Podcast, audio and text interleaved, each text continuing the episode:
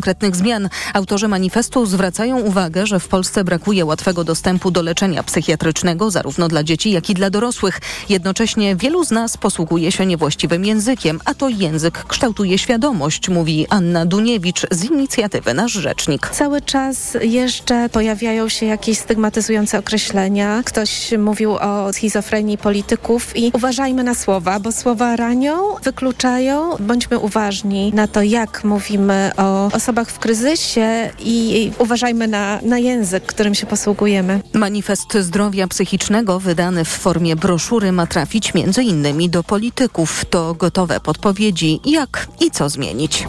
O sytuacji na Morzu Czerwonym ma wieczorem rozmawiać ONZ-owska Rada Bezpieczeństwa. Wspierani przez Iran jemeńscy rebelianci Huti atakują tam statki handlowe. Więcej o tym już teraz Tomasz Orchowski. Rebelianci Huti twierdzą, że atakują statki Izraela lub wwożące i wywożące stamtąd towary. Ma to być wyraz solidarności z Palestyńczykami w strefie gazy. Izrael wspierają Amerykanie. W ich niedzielnym ataku na łodzie Hutich zginęło co najmniej 10 członków jemeńskiej organizacji. Chcemy, żeby Rada Bezpieczeństwa była skuteczna. Będziemy unikać niekończących się posiedzeń. Preferujemy spotkania efektywne. Mówił Nicolas de Rivière, który w ONZ jest ambasadorem Francji, przewodniczącej w tym miesiącu pracom Rady. Ta ma problem z podejmowaniem decyzji, bo prawem weta dysponują w niej stali członkowie, do których należą m.in. Chiny i Rosja. Tomasz Surchowski, TOK FM. Kolejne informacje w TOK FM o 15.20. Pogoda. Niemal w całym kraju deszczowo i pochmurno. Na północnym wschodzie Polski spadnie deszcz ze śniegiem i śnieg, a na termometrach od minus 3 stopni w Białymstoku, 0 w Gdańsku, 8 stopni w Warszawie, do 10 w Poznaniu i Wrocławiu. Radio TOK FM. Pierwsze radio informacyjne. Światopodgląd. Agnieszka Lichnerowicz, serdecznie zapraszamy Państwa na Światopodgląd, który zaczniemy od może podsumowania czy wniosków tej zmasowanej, zmasowanych czy zmasowanego ataku z powietrza w, na Ukrainę ze strony Rosji w ostatnich kilku dniach. Jak podsumował prezydent Wołodymir Zełenski, raz Rosja posłała niejako na Ukrainę jakieś 300 rakiet i 200 dronów w ciągu pięciu dni. Ukraina odpowiedziała jak się wydaje, dwoma już atakami na miasto Białgorod, tuż za granicą ukraińską. Ten ostatni miał mieć miejsce w nocy, choć tak twierdzi Rosja, Ukraińcy nie komentują. Łączymy się teraz z Piotrem Lewandowskim, pułkownikiem Piotrem Lewandowskim z Centrum Szkolenia Wojsk Obrony Terytorialnej, pułkownikiem rezerwy. Dzień dobry. Dzień dobry pani redaktor, dzień dobry państwu. Bardzo dziękuję za przyjęcie zaproszenia, bo pomyślałam, że moglibyśmy chwilę poświęcić temu, jak Rosji w ostatnich tych dniach udało się jednak przedrzeć częściowo przez systemy obrony powietrznej Ukrainy, czyli jakie wnioski wyciągnęła z dotychczasowych wysiłków. Na co tutaj warto, na co eksperci zwracają uwagę, to jest to, że wykorzystują, jakby mógł pan trochę pułkownik to rozwinąć, rozwinąć, wysyłają najpierw szachedy, czyli te całkiem tanie drony. I, i czemu ma to służyć, jaki mają w związku z tym efekt?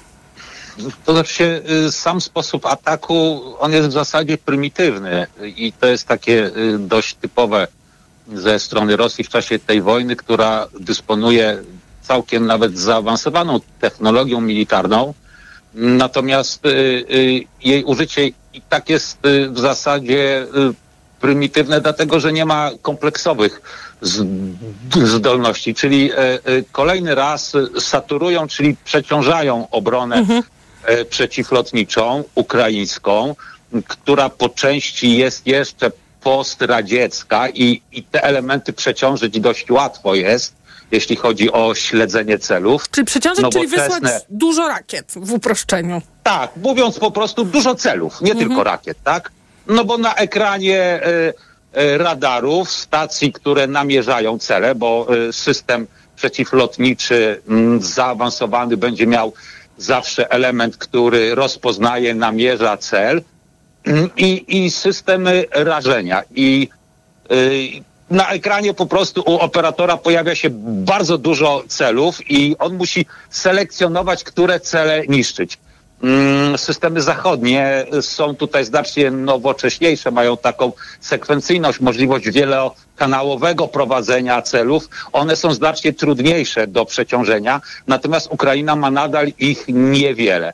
I y, efektem tego jest, że systemy rzeczywiście e, celów się na tyle pojawiło, że systemy albo zostały przeciążone, albo nie nadążały niszczyć ich i część się przedarła. Natomiast czemu mówię, że jest to mimo wszystko y, prymitywne? Y, y, technika mm, ataków z powietrza, taką jaką stosuje Rosja, powinna się zacząć od niszczenia obrony przeciwlotniczej przeciwnika. Mhm. Rosjanie nie niszczą tak naprawdę tej obrony. Oni ją każdorazowo przeciążają. Jaki mamy tego wynik? Bo zawsze jest jednak coś takiego, nawet w czasie wojny, jak koszt-efekt. E, koszt tych ostrzałów, no licząc cirkę, to jest jakieś 2,5 miliarda dolarów. Tyle Rosja wystrzeliła mhm. w dolarach. Przedarło się między 25 w czasie pierwszego ataku, tak. koło 20-15% w czasie drugiego ataku. Przy czym jeszcze tak, e, te środki rażenia, które się przedarły, to nie znaczy, że one trafiły w cele. One gdzieś uderzyły. Tak, Teraz Rosjanie, tak. Mówi się o 40 Rosjanie, zabitych i tam prawie 200 osobach rannych. Tak, to znaczy przy, przy tej skali tak. ataku y, to, to nie są duże straty. Zabrzmi mhm. to nieco brutalnie, ale, ale to, to nie są duże straty. Przy czym to są straty, wiemy o cywilnych stratach, nie wiemy jakie cele militarne zostały trafione. Mhm. Ja myślę, że cele militarne które Rosji się udało trafić, moglibyśmy policzyć na palcach jednej, maksimum dwóch rąk, tak? Czyli mówimy o pojedynczych celach. W związku z tym skuteczność, jeżeli chodzi o e, obszar militarny w porównaniu z kosztem, jaki ponosi Rosja, jest znikomy. No ale z drugiej strony... Natomiast, natomiast to jest oczywiście e, e, no, uderzenie w morale e, narodu ukraińskiego, no bo, bo, bo płonące budynki w Kijowie jednak wrażenie robią. No, ale też mówi się z drugiej strony, że właśnie te szachedy, one są stosunkowo tanie, no a wystrzelić w nie rakietę, żeby je zbić, jest drogo dla Ukrainy. Tak, z tym, że trzeba pamiętać, że Ukraina za to tak naprawdę nie płaci. Tak, bardzo pragmatycznie powiem to. E, e, pieniądze płyną z, z zachodu, jeśli chodzi.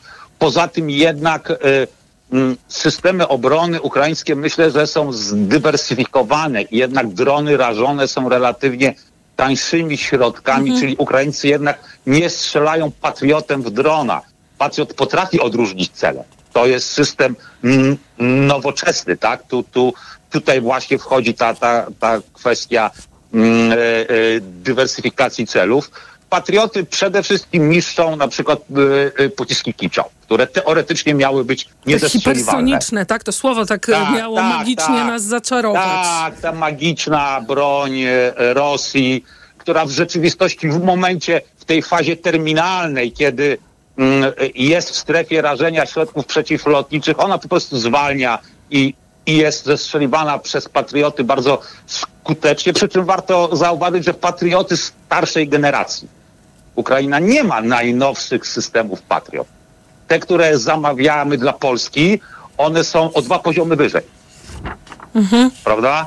Więc nie dość, że system jest przestarzały, skutecznie niszczy najnowsze systemy rosyjskie. No ale, ale jednak część się przedziera Rosja będzie w stanie takie ataki powtarzać, dlatego że e, zachodni analitycy, i tu mówię o analizach wywiadowczych, nie tych komercyjnych, ujawnili informację, że Rosja produkuje od 80 do 120 pocisków różnych typów miesięcznie. Mhm. No ale e, e, wszystkie dane wskazują, że Rosja zużywa to, co produkuje na bieżąco. Czyli nawet jeżeli zapasy ma, to uznała je za zapasy nienaruszalne. Ja wątpię, czy te zapasy ma, bo jednak wtedy wystrzeliwaliby pociski z zapasów, a nowe lądowałyby na składowanie jakby, on, bo one mają jednak okres używalności. Mhm.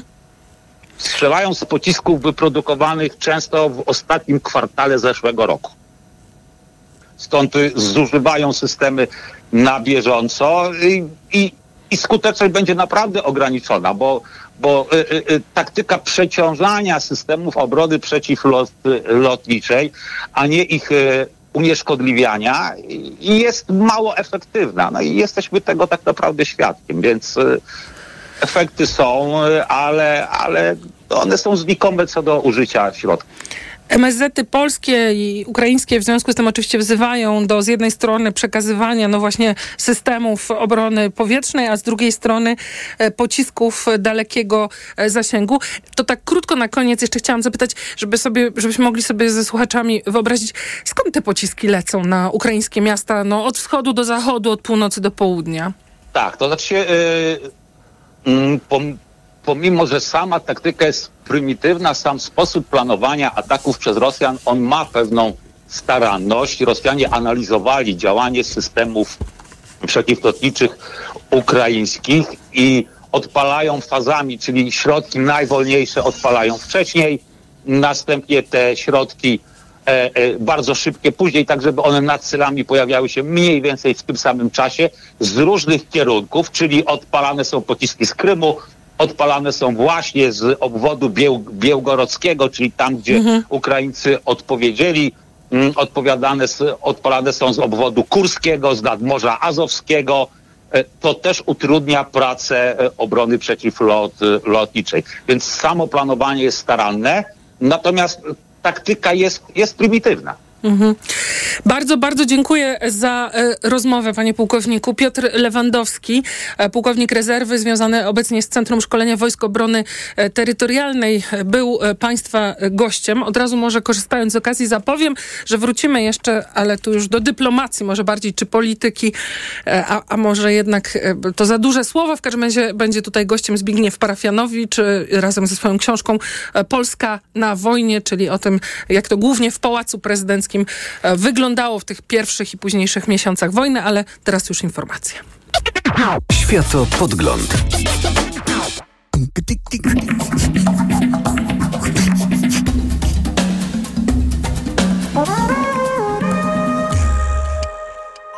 Autopromocja. Mała władza. Podcast Tok FM. Wyróżniony nagrodą Grand Prix w konkursie Podcast Roku. Zaprasza Andrzej Andrysiak. Dokładnie prześwietlamy w mediach tę władzę na górze, a tę na dole traktujemy pobłażliwie, bo jest samorządowa, bo blisko ludzi, bo przecież rozwiązuje ich problemy. Ale to tylko wersja oficjalna i PR, a nie rzeczywistość. Pojechałem do małych miejscowości, by sprawdzić, co się stało z naszą lokalną samorządnością. Mała władza. Tylko w Tok FM Premium. Słuchaj na tokefm.pl ukośnik władza lub w aplikacji mobilnej Tok FM.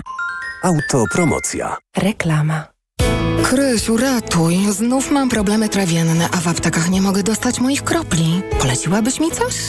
Też tak miałam. Chwila przyjemności, a potem uczucie ciężkości, wzdęty brzuch i gazy. Ale teraz mam multigastro.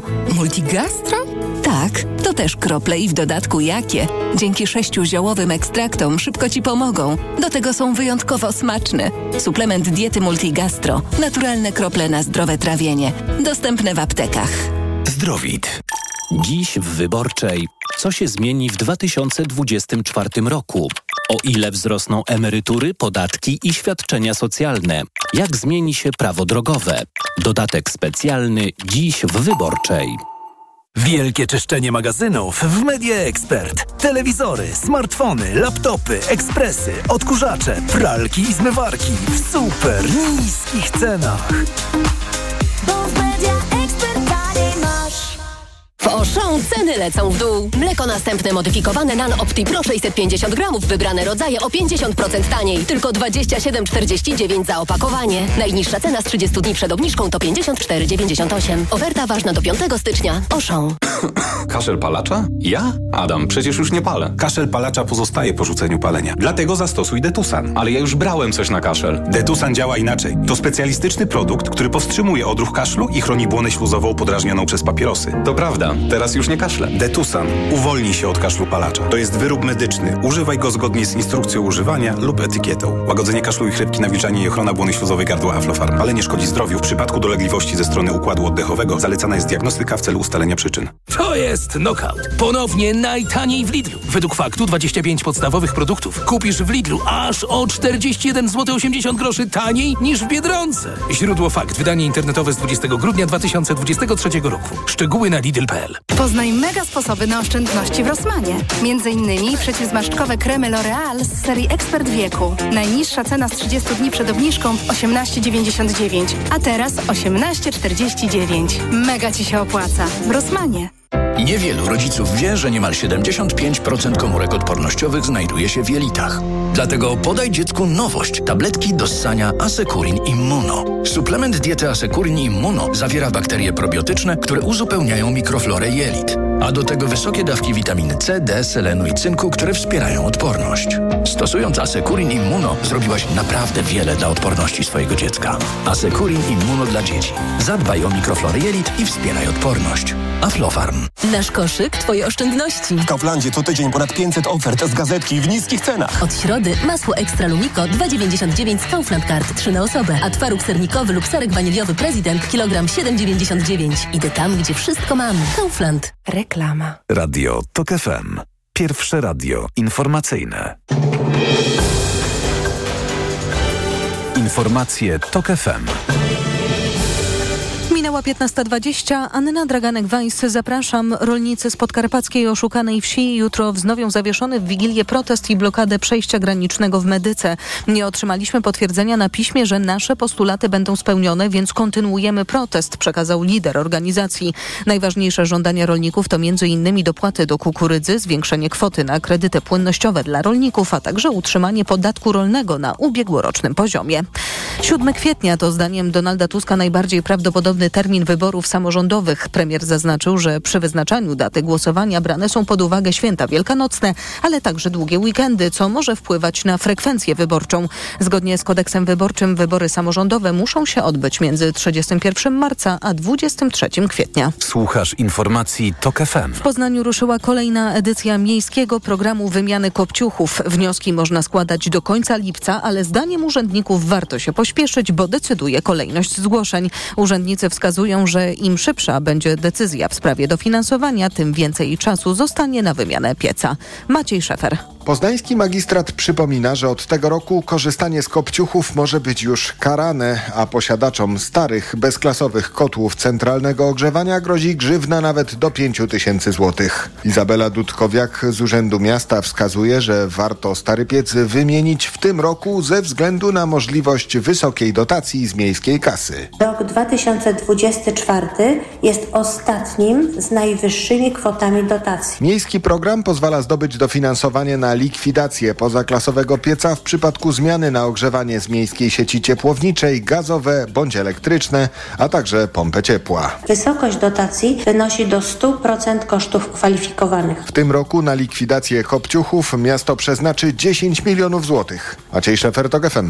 W Tatrach obowiązuje lawinowa trójka. Warunki są trudne. Ratownicy Topru odradzają wszystkie wyjścia powyżej górnej granicy lasu. Na Kasprowym Wierchu dziś rano leżało 67 cm śniegu, a temperatura wyniosła minus 2 stopnie.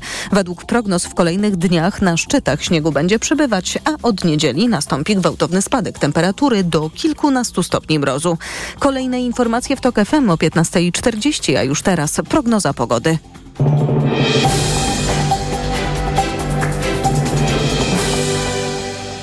Sponsorem programu jest właściciel hotelu Dolina Charlotte Resort Spa, organizator ferii zimowych nad morzem. Pogoda. Niemal w całym kraju deszczowo i pochmurno. Na północnym wschodzie Polski spadnie deszcz ze śniegiem i śnieg, a na termometrach od minus 3 stopni w Białymstoku, 0 w Gdańsku, 8 stopni w Warszawie, do 10 w Poznaniu i Wrocławiu. Sponsorem programu był właściciel hotelu Dolina Charlotte Resort Spa, organizator ferii zimowych nad morzem. Radio TOK FM. Pierwsze radio informacyjne. Światopodgląd. Agnieszka Lichnerowicz. Na Bliskim Wschodzie znów wzrosło ryzyko, zagrożenie czy obawy, że wojna Izraela z Gazą się, jak to się mówi kolokwialnie, może się rozlać, poszerzyć w jakąś regionalny konflikt.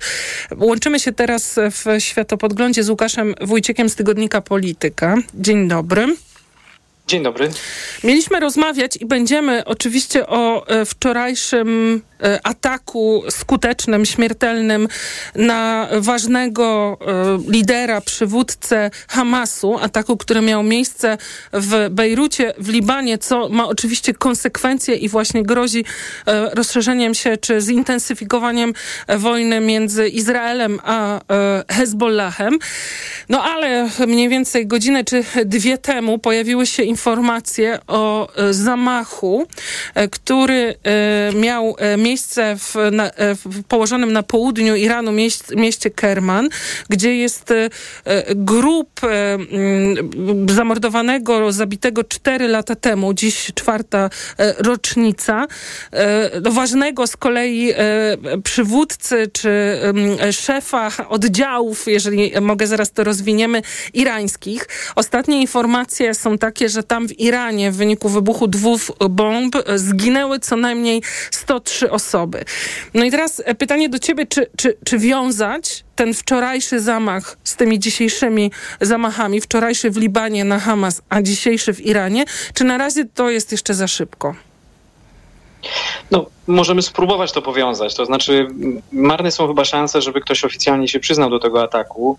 No i zakładając taki dość e, banalny scenariusz, że jest to jakaś skomplikowana akcja wewnętrzna irańskich e, służb bezpieczeństwa, no to są w zasadzie dwaj aktorzy w regionie, którzy byliby zdolni technicznie i politycznie do takiego ataku. Tego w Iranie. No, tego i w Iranie. Mówimy mhm. oczywiście o, o, o, tym ataku w Iranie. No oczywiście to jest Izrael i Stany Zjednoczone. No warto, wspomniałeś dwa słowa, no warto powiedzieć, co symbolizuje Soleimani, czyli tak. człowiek, którego grup zaatakowano. No symbolizuje dość agresywną e, politykę regionalną Iranu, która polegała, zanim został on zabity, na budowaniu takiej sieci zależności pomiędzy Iranem i różnymi organizacjami, czy to rebelianckimi, terrorystycznymi, generalnie nastawionymi antyzachodnio, antyizraelsko, antyamerykańsko, którymi to rękami tych organizacji Iran realizował swoje, swoją politykę, politykę w regionie.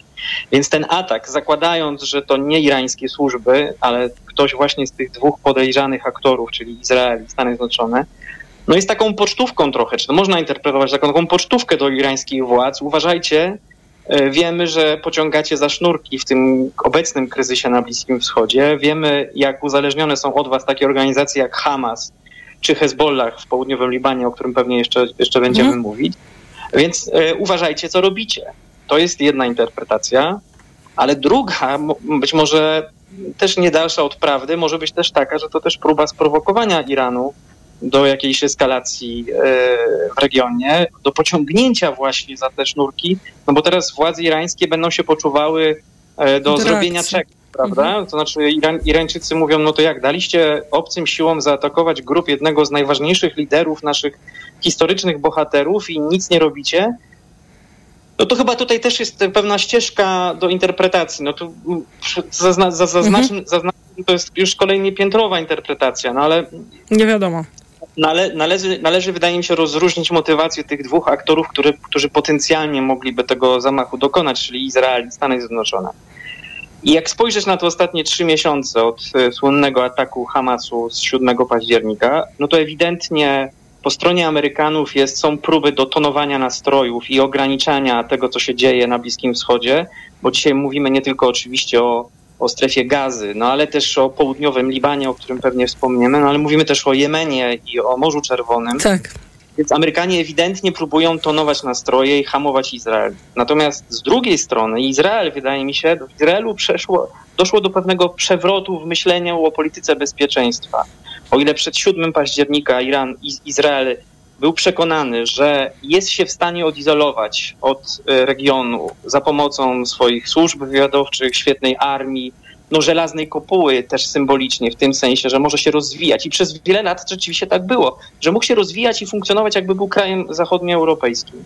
To po 7 października zdobyło chyba, zaczyna dominować takie przeświadczenie bardzo szerokie o pojętych elitach politycznych w Izraelu, że otworzyło się okno, w czasie którego Izrael musi coś zrobić wobec y, organizacji, które bezpośrednio zagrażają jego y, bezpieczeństwu, a jednocześnie kontrolują tereny przylegające do Izraela. No to oczywiście mówimy o Hezbollahu i o Hamasie. To, tą strategię widać dzisiaj w, w, w Gazie. Znaczy ewidentnie Izrael próbuje budować coś w rodzaju buforu bezpieczeństwa, który zapewni im, no właśnie obywatelom Izraela bezpieczeństwo. No i z punktu widzenia Izraela, no, o, czym też, o czym też alarmują amerykańscy eksperci, no w zasadzie eskalacja taka krótkoterminowa, ale bardzo intensywna, czyli, ten, czyli to uzasadnienie dla rozprawienia się z tymi największymi swoimi wrogami, no jest w interesie, wydaje się, dzisiaj polityki Izraela. Więc tu wydaje się, że może to, mhm. że, że ta odpowiedzialność może też spaść na, na Izrael. Jeszcze raz przypomnę, no bo ostatnie informacje, e, znaczy media państwowe irańskie informują o ponad 100 osobach, o co najmniej ponad 100 e, osobach e, zabitych. To dzisiaj przy grobie zabitego 4 lata temu, również w zamachu Kasema Sulejmaniego w Iranie. Czyli to jest z jednej strony Iran, a z drugiej, e, tak jak mówił chwilę temu Łukasz Wójcik, między innymi właśnie Kasem Sulejmani rozbudowywał, wzmacniał te sieci między Iranem a mającym władzę E, część władzy e, w Libanie Hezbollahem, e, z którym Izrael no, przez te ostatnie tygodnie też na granicy prowadził, no to były starcia. Wczoraj w Libanie został zabity bardzo ważny przywódca też sama, Hamasu, Saleh al-Arouri, który właśnie miał być łącznikiem między Hamasem tym palestyńskim, a Hezbollahem. Izrael oczywiście się tego nie przyznaje, ale wcześniej już mówił, że rozpocznie w końcu kampanię, takich właśnie jak znamy e, z, z, z historii, jak to było po e, igrzyskach w Monachium, no takich targetowanych e, zamachów na poszczególnych ludzi. No i to się stało, znaczy podejrzewa się, że stoi za tym e, Izrael, za tym wczorajszym również e, e, zabójstwem. No i teraz nie wiem, na co tu warto zwrócić uwagę, bo, bo, bo jednak zwraca się też uwagę, że to ta cała strategia jest po prostu bardzo niebezpieczna, również dla Izraela no, jest niebezpieczna z jednej strony, ale z drugiej strony to, co mówiłem o tym przeświadczeniu, że mm, Izrael dostał prawdopodobnie pół roku, może trochę więcej, biorąc pod uwagę nastroje międzynarodowe, czasu na załatwienie sprawy, swoich spraw bezpieczeństwa. No i ewidentnie to, co się dzieje wobec e, Libanu i wobec Hezbollahu, no wpisuje się w tą strategię. To znaczy od kilku tygodni Izraelczycy bardzo często przypominają na przykład słynną rezolucję Rady Bezpieczeństwa ONZ z z 2006 roku dotyczącą e, wezwania Hezbollahu i władz libańskich do wycofania się spod granicy izraelskiej za linię rzeki Litanii. No to jest pewnie kilkanaście, kilkadziesiąt kilometrów od samej granicy. No i teraz e, e, biorąc pod uwagę to, że mm, Izrael być może będzie chciał powtórzyć tą strategię budowania sobie buforu ze strefy gazy na północy tym razem, w północnym, w południowym Libanie, no to też to, wszystko wygląda jak wstęp do, do eskalacji na północy i jakiś, jakiś formy ataku na Hezbollah.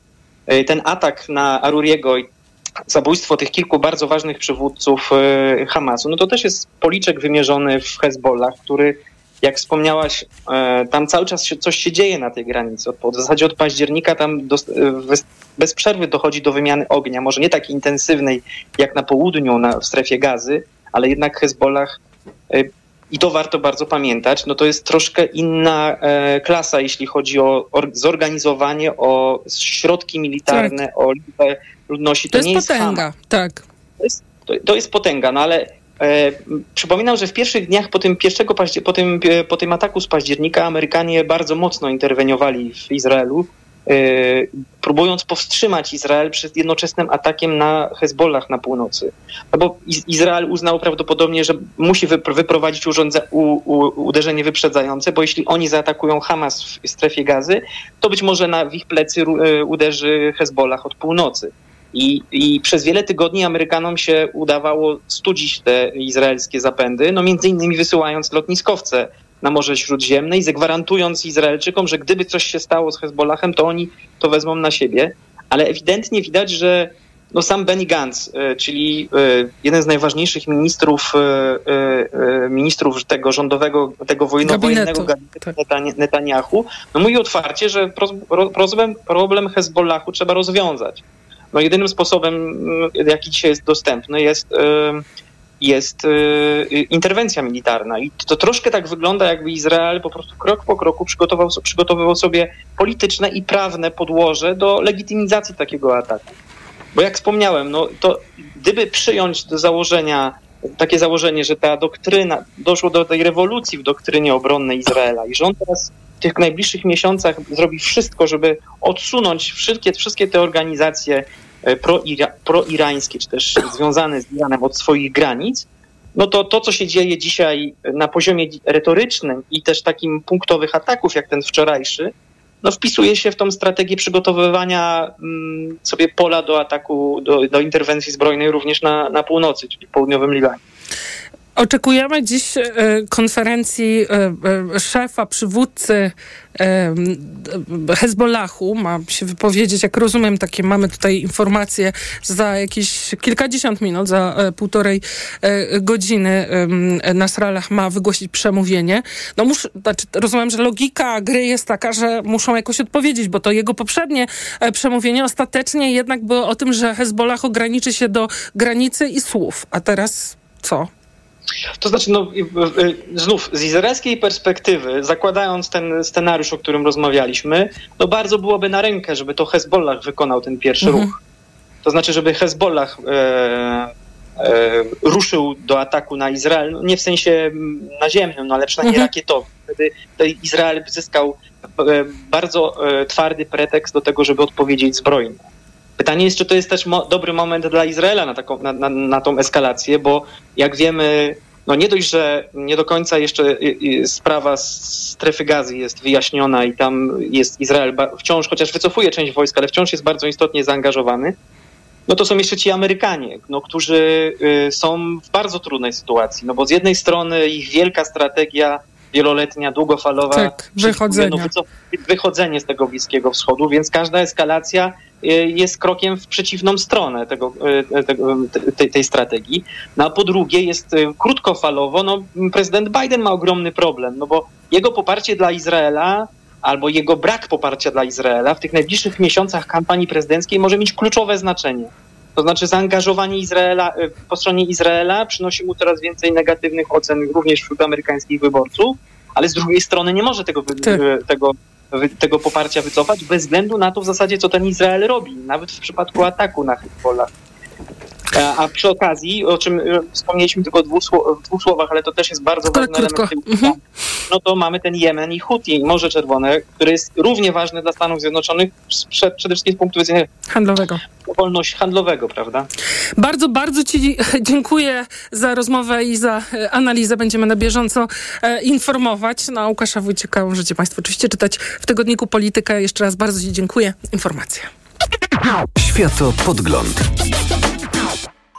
Autopromocja. Boski podcast o świętach. Tylko w Tok FM Premium. Zaprasza Karolina Oponowicz. Dlaczego strój Mikołaja szokuje katolików w Brazylii? Czy w cerkwi są choinki i żółbek w czasie Bożego Narodzenia? Co jedzą buddyści w rodziny Buddy? Czy w żydowskim domu wypada życzyć komuś bogactwa? Czy chińskie ciotki też pytają podczas świąt, kiedy wyjdziesz za mąż? O to wszystko pytam wyznawców różnych religii. Boski podcast o świętach. Tylko w Tok FM Premium. Wszystkie odcinki tego podcastu znajdziesz na tokefm.pl oraz w aplikacji mobilnej Tok FM.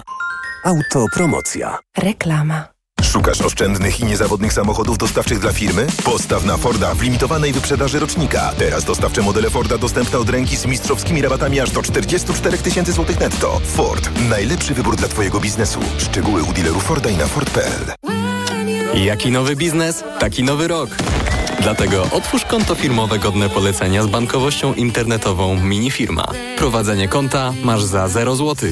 Dodatkowo możesz zyskać premię do 2400 zł na Twoje postanowienia biznesowe. Jesteśmy organizatorem promocji godnej polecenia edycja 6. Możesz do niej przystąpić do 31 marca bieżącego roku, jeśli spełnisz warunki regulaminu. Szczegóły na santander.pl ukośnik firma. Santander Bank Polska pomaga prowadzić biznes. Wiesz, Marian, mm. że podobno jaki początek, taki cały rok? Dlatego powinniśmy go zacząć od Czyszczenia magazynów Media Expert. No tak. Jeszcze tylko dwa dni czyszczenia magazynów w Media Expert. Na przykład smartfon Xiaomi Redmi Note 12 Pro. Najniższa cena z ostatnich 30 dni przed obniżką 1399 zł. Teraz za jedyne 1299 z kodem rabatowym taniej. Od lat cierpię na hemoroidy. Ból jest tak silny, że nikomu go nie życzę. W zaawansowanym stadium choroby wybierz Proctohemolan. Proctohemolan szybko znieczula i przynosi ulgę nawet w silnym bólu, a jednocześnie leczy hemoroidy poprzez wzmacnianie żył i przyspieszenie gojenia ran. Proctohemolan. Bez hemoroidów szybko i na długo. Proctohemolan krem, tribenozyt, lidokaina, zewnętrzne i wewnętrzne żylaki odbytu, Aflofarm. To jest lek. Dla bezpieczeństwa stosuj go zgodnie z ulotką dołączoną do opakowania. Nie przekraczaj maksymalnej dawki leku. W przypadku wątpliwości skonsultuj się z lekarzem lub farmaceutą. Przez cały styczeń w Auchan ceny lecą w dół. Wybrane produkty o 50% taniej. Kabanosy francuskie z okołów 100 gramów tylko 3,99 za opakowanie. Najniższa cena z 30 dni przed obniżką to 7,98. Oferta ważna do 5 stycznia. Auchan. Heroiczny, legendarny, niezłomny Defender. Stworzony do rzeczy wielkich. Dostępny w bezkompromisowej ofercie dla przedsiębiorców z atrakcyjną ratą od 3400 zł netto, pakietem wyposażenia biznes, ubezpieczeniem za 1% ceny, a także pełną opieką serwisową przez cały okres użytkowania i pięcioletnią gwarancją. Odwiedź salon Land Rovera i dowiedz się więcej. Zapytaj również o inne modele dostępne od ręki w ekstremalnie korzystnych ofertach. Ekonomia 360. Słuchaj od poniedziałku do piątku o 18.20. Na audycję zaprasza jej sponsor, operator sieci Play, oferujący rozwiązania dla biznesu. Play. Za dużo obowiązków, za mało odpoczynku. Przez to wciąż czułam się zmęczona i dlatego byłam przygnębiona. To niestety odbijało się na naszych relacjach. Mama była smutna i zmęczona. Na szczęście mam to za sobą, a pomógł mi Mebevit B-Kompleks, skuteczne wsparcie układu nerwowego. Suplement diety Mebevit zawiera kompleks aż siedmiu witamin z grupy B dla sprawnej pracy umysłu. Teraz jestem mniej zmęczona i dzięki temu odzyskałam dobry nastrój. Mebevit B-Kompleks. Odzyskaj balans. Zdrowit. Reklama. Radio TOK FM. Pierwsze radio informacyjne. Informacje TOK FM. Minęła 15.40. Anna Draganek-Weiss, zapraszam. Od stycznia przedsiębiorcy zapłacą wyższe składki do ZUS-u. To dlatego, że rosną płaca minimalna, a także prognozowane przeciętne wynagrodzenie. O szczegółach już teraz Agnieszka Wynarska. Od 1 stycznia wynagrodzenie minimalne wynosi 4242 zł, a prognozowane przeciętne wynagrodzenie ponad 7800 zł. Składka do ZUS-u jest uzależniona od tych dwóch wartości i dlatego rośnie, tłumaczy rzeczniczka zakładu w Kujawsko-Pomorskim Krystyna Michałek. Przedsiębiorca będzie musiał zapłacić w tym roku razem ze składką na Fundusz Pracy 1600 zł 32 grosze, czyli o prawie 182 zł więcej niż w ubiegłym roku. Do tej kwoty należy jeszcze doliczyć składkę zdrowotną, której wysokość zależy od formy opodatkowania. Z Bydgoszczy Agnieszka Wynarska, TOK FM. Ostatnie ataki powietrzne sił rosyjskich skierowane były przede wszystkim na obiekty przemysłu obronnego Ukrainy. Tak wynika z analizy brytyjskiego resortu obrony. Zdaniem ministerstwa właśnie to odróżnia obecne ataki od tych z poprzedniej zimy, kiedy to siły rosyjskie atakowały głównie ukraińską infrastrukturę energetyczną. Dziś Rosja poinformowała, że Ukraina zaatakowała obwody Białgogradzki i Kurski. Wystrzelony przez Kijów pocisk miał też zostać zestrzelony niedaleko Sewastopola na okupowanym Krymie. Uderzenia Ukraińców to odpowiedź na ostatnie zmasowane ataki Rosjan między innymi na Kijów. Mieszkańcy atakowanych miast mówią o dużym zagrożeniu.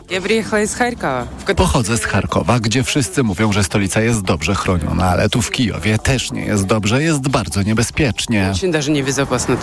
Od 29 grudnia, jak poinformował prezydent Wołodymyr Zełęński, Moskwa użyła przeciwko Ukrainie prawie 300 pocisków i 200 dronów. Słuchasz informacji TOK FM. Estonia zmaga się z mrozami. Dziś w niektórych miejscach temperatura spadła tam do minus 30 stopni. Służby ostrzegają, że wraz ze spadkiem temperatury przybywa pożarów, dlatego za zaapelowała do mieszkańców, by dogrzewając się w domach, zachowali ostrożność.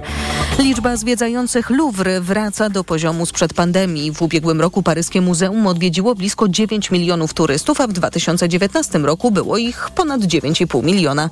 Władze muzeum zaznaczyły, że po podjęciu decyzji o utrzymaniu dziennego limitu 30 tysięcy zwiedzających nie liczy już na rekordową frekwencję z przeszłości. Te ograniczenia wprowadzono, by zapewnić lepsze warunki zwiedzania. Kolejne informacje w TOK FM o 16. Pogoda. Po południu popada deszcz, lokalnie możliwe są burze, a na północy, na północnym wschodzie i w górach deszcz ze śniegiem i śnieg. Na termometrach od minus 3 stopni w Białymstoku, 0 w Gdańsku, 8 stopni w Warszawie, do 10 w Poznaniu i Wrocławiu. Radio TOK FM. Pierwsze radio informacyjne.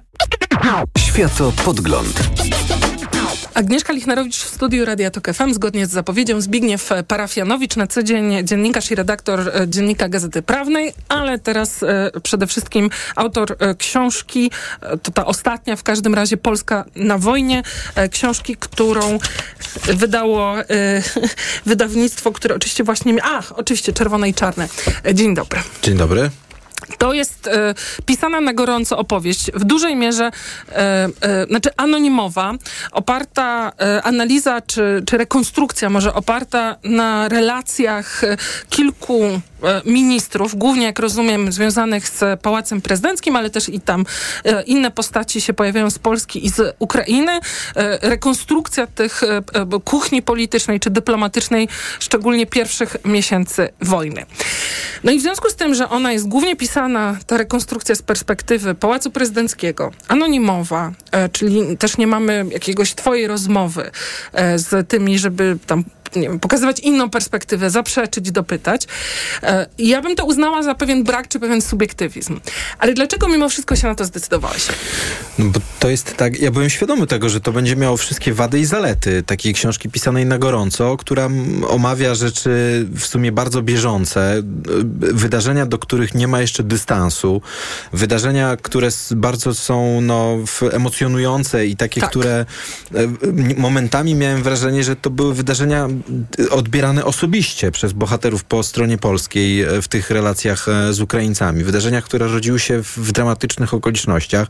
Ja też świadomie zdecydowałem się nie ingerować w styl i w język, który był e, zaprezentowany przez uczestników tych wydarzeń. Tutaj też e, przed wejściem na antenę mówiliśmy o tym pojęciu rasy panów, które się tam pojawia. No, Ono- jest to taki język e, bardzo e, codzienny. tak, ale taki brutalny, często e, odnoszący się do jakichś takich bardzo darwinistycznych pojęć, to, to, to akurat uważam, że jest e, zaletą te, te, te, tego przekazu, takie po, e, jakby pokazanie środowiska, które e, kształtowało tą politykę i tego, jakimi ono kategoriami myślało, jak, jak, jak, to było w, w opisywane. I po, powiem tak, w pierwszym podejściu do tej książki z, razem z wydawcą spróbowaliśmy stworzyć rozdział, który byłby właśnie autoryzowany i rozdział, w którym byłyby nazwiska.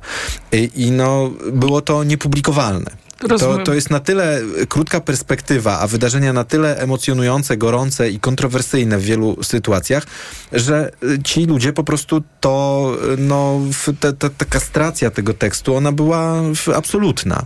To, to, to, to, to, to, to się by nie utrzymało. To nie, to nie, to nie ma racji bytu. Dlatego e, ra, razem z, z, z Robertem Krasowskim, wydawcą i z Martą Stremecką zdecydowaliśmy się na jakby użycie tej formuły takiego pisanego podcastu do, do pewnego stopnia e, i takiej formuły witrażowej, czyli luźnej, wrzucającej krótkie, e, krótkie wypowiedzi, które oddają pewną sytuację, żeby to było jak najbardziej autentyczne i jak najbardziej oddawało język, e, klimat, styl rozmowy. Tam często na, na przykład za, zauważ, że jest bardzo wiele jakby takich sprzecznych interpretacji wydarzeń, ale... Chociaż e, głównie winni są ci inni, czy w MONie, czy w MSZ, no, czy w Generalicji, to czy w Ukrainie. Jasne, to, to, to, to, to, to oczywiste, że nikt nie bierze na klatę w porażek, chce się mieć sukces, nazwać u, ustawę na przykład nazwiskiem jakiegoś ministra, prawda, najlepiej z Polski.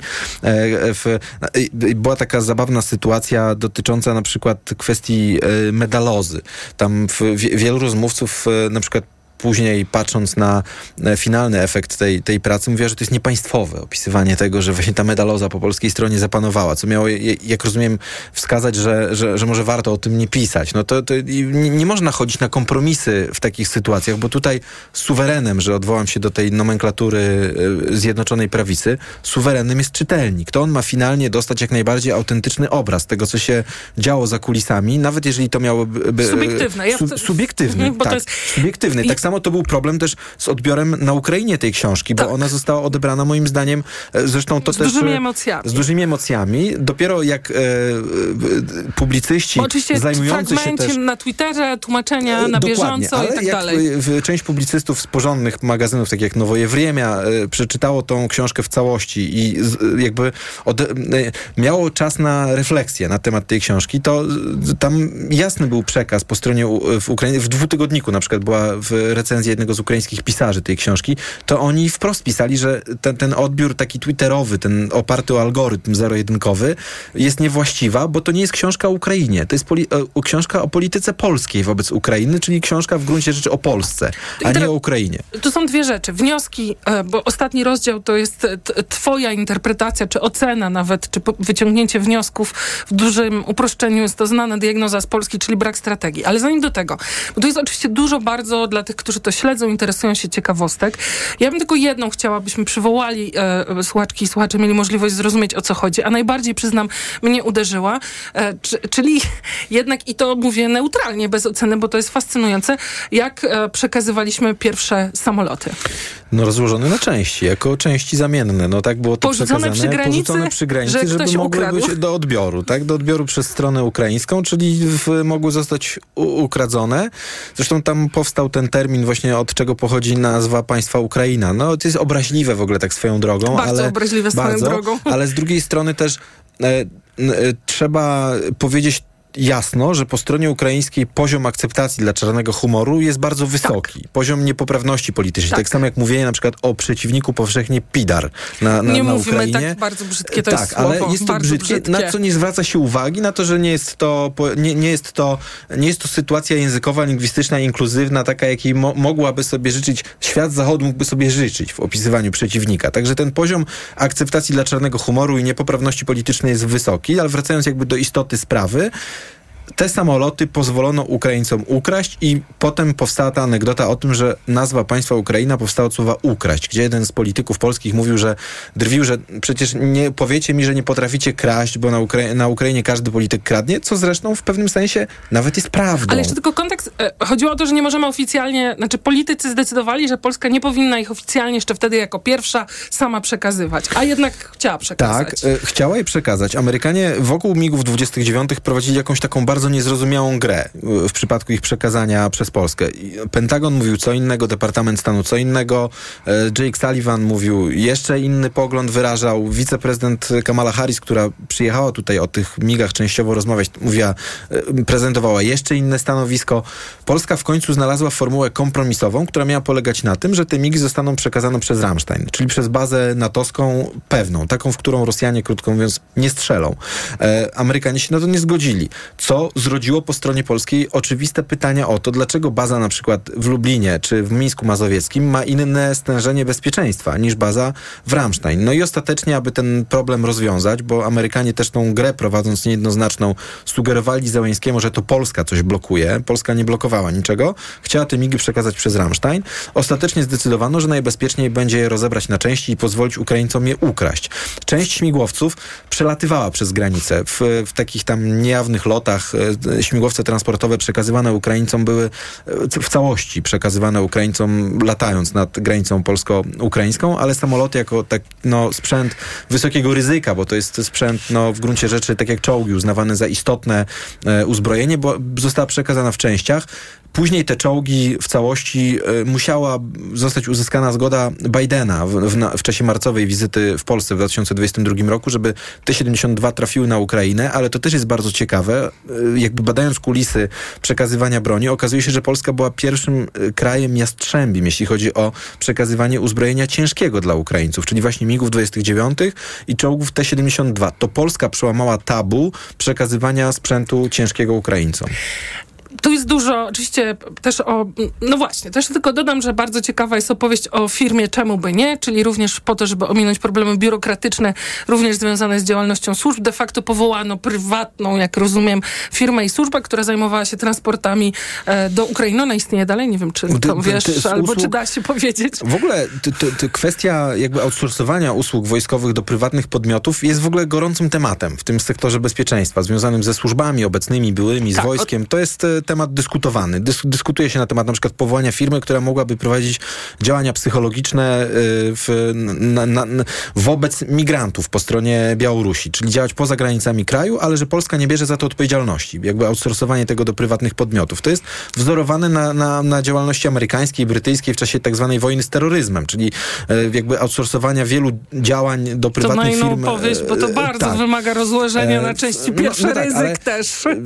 Jak sobie przypomnisz loty, tajne loty CIA, to te loty odbywały się prywatnymi liniami mhm. lotniczymi. To Dlatego wynajmowano właśnie... samoloty CIA, wynajmowało samoloty od prywatnych firm. Tak samo firma, e, linia lotnicza Atlas Jet dostarcza na przykład amunicję, uzbrojenie dla rebeliantów w Syrii, proamerykańskich, pro, antyasadowskich. To jest naturalne, gdzie tam... A ta firma istnieje? Bo to na inną rozmowę, ja bardzo chętnie, bo ty się zajmujesz też prywatnymi firmami. Istnieje, czemu by nie? I to jest Myślę, oficjalna nazwa, nie, no, to była nazwa umowna. To nie, nie ma tego w KRS-ie, tego nie wpisano. Nie to oczywiste. Po prostu jeden z ministrów zapytał tych byłych żołnierzy, byłych specsłużbowców, czy wejdą w taki biznes i oni odpowiedzieli, czemu, czemu by, nie? by, nie? I potem w Rzeszowie, jak, bo Rzeszów jest takim miejscem, gdzie jest dużo ludzi służb, się kręci po, po, po okolicy różnych, najróżniejszych służb i amerykańskich i polskich, spytali tych e, prywaciarzy umownych, kim są i powiedzieli, że są z CBN-u, nawiązując do tej właśnie pierwotnej rozmowy o, o, o powołaniu tej prywatnej firmy. To jest w sumie o skuteczności, chociaż kontrowersje też oczywiście w tym są, ale w dużej mierze to jest jednak opowieść, wydaje mi się trochę zawstydzająca. Jak najbardziej. Jak najbardziej. Jest dużo o godnościowych kwestiach, jakichś sporach, zdjęciach na Twitterek, e, ale też po prostu braku strategii tak ostatecznie. E, tak krótko właśnie, dla ciebie co jest kluczowym jakby wnioskiem z tego?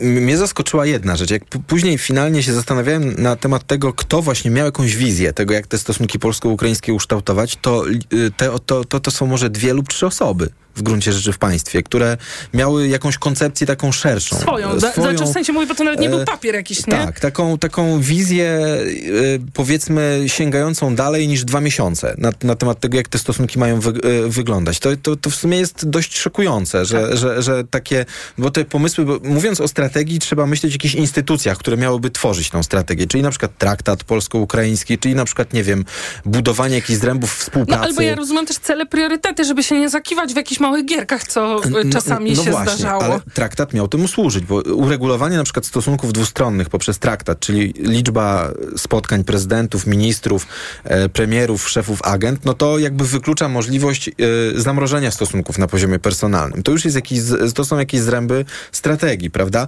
Tylko, że tak jak mówię, no o strategii myślały dwie, maksymalnie trzy osoby w państwie. Reszta ludzi była odbiorcami ty, tych komunikatów, ewentualnie jakimś takim e, niezbyt niezbyt y, profesjonalnym wykonawcą y, tej, ty, tych pomysłów, powiedzmy, o zrębach taktyki. strategii. No bo to były taktyki, taktyki tak. No, ale Prawda jest też taka, żeby być uczciwym, to jeżeli spojrzymy na takie trzy dekady stosunków polsko-ukraińskich, czy nawet od 2004, od pomarańczowej rewolucji, to tej strategii tak naprawdę nie było nigdy. Tak, i nadal chyba. I Zobaczymy. nadal nie ma. Zobaczymy. Dajemy Zobaczymy. szansę, dajemy kredyt zaufania nowym władzom. E, e, roz, Państwa gościem był razem ze swoją książką Zbigniew Parafianowicz. Tytuł książki e, Polska e, na wojnie. Co działo się w Pałacu Prezydenckim, służbach i wojsku po wybuchu wojny w Ukrainie. Bardzo Ci dziękuję za za rozmowę. Dziękuję. Światopodgląd. Głosy Radia TOK FM po godzinach. Wieczorem Agnieszki Lichnerowicz. Słuchaj dziś po godzinie 22.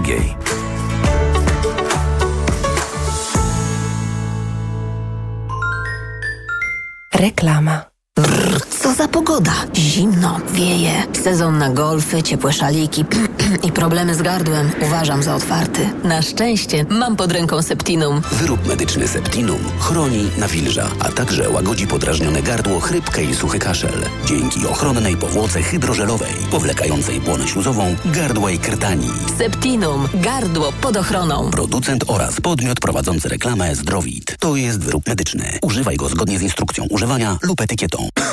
Kaszel palacza? Ja? Adam, przecież już nie palę. Kaszel palacza pozostaje po rzuceniu palenia. Dlatego zastosuj Detusan. Ale ja już brałem coś na kaszel. Detusan działa inaczej. To specjalistyczny produkt, który powstrzymuje odruch kaszlu i chroni błonę śluzową podrażnioną przez papierosy. To prawda, teraz już nie kaszlę. Detusan. Uwolnij się od kaszlu palacza. To jest wyrób medyczny. Używaj go zgodnie z instrukcją używania lub etykietą. Łagodzenie kaszlu i chrypki, nawilżanie i ochrona błony śluzowej gardła Aflofarm. Palenie szkodzi zdrowiu. W przypadku dolegliwości ze strony układu oddechowego zalecana jest diagnostyka w celu ustalenia przyczyn. Wyrafinowany, widowiskowy, stylowo niezrównany, spektakularny Range Rover Velar. Dostępny w wyjątkowej ofercie dla przedsiębiorców z atrakcyjną ratą od 2698 zł netto, pakietem wyposażenia biznes, ubezpieczeniem za 1%, pełną opieką serwisową przez cały okres użytkowania oraz pięcioletnią gwarancją. By poznać szczegóły, odwiedź salon Land Rovera. Zapytaj też o modele dostępne od ręki w wyjątkowo korzystnych ofertach. Porozmawiajmy o zakładaniu firmy. Jest z nami Radek Kotarski. Panie Radku, czy zna pan słowo infakt? Oczywiście, że tak. Co to znaczy infaktować? Infaktować to prowadzić firmę bez zmartwień. A ten, kto infaktuje? Ten wystawia faktury w aplikacji Infakt, a księgowy z Infaktu dba o porządek w księgowości. Infaktycznie. Załóż firmę bezpłatnie i bez wychodzenia z domu na infakt.pl. Infakt. Zakładanie firm i księgowość w jednym miejscu. Polecamy. Wodek Markowicz i Radek Kotarski. Gdy za oknem zawierucha, cierpi na tym nos malucha. Aromactive. Plaster mały wnet uwalnia zapach cały i troskliwie nos otacza. Lekki oddech szybko wkracza. Aromactive zmniejsza troski. Pielęgnuje małe noski. Dostępny w aptekach. Dziś w Wyborczej. Co się zmieni w 2024 roku? O ile wzrosną emerytury, podatki i świadczenia socjalne? Jak zmieni się prawo drogowe? Dodatek specjalny dziś w Wyborczej.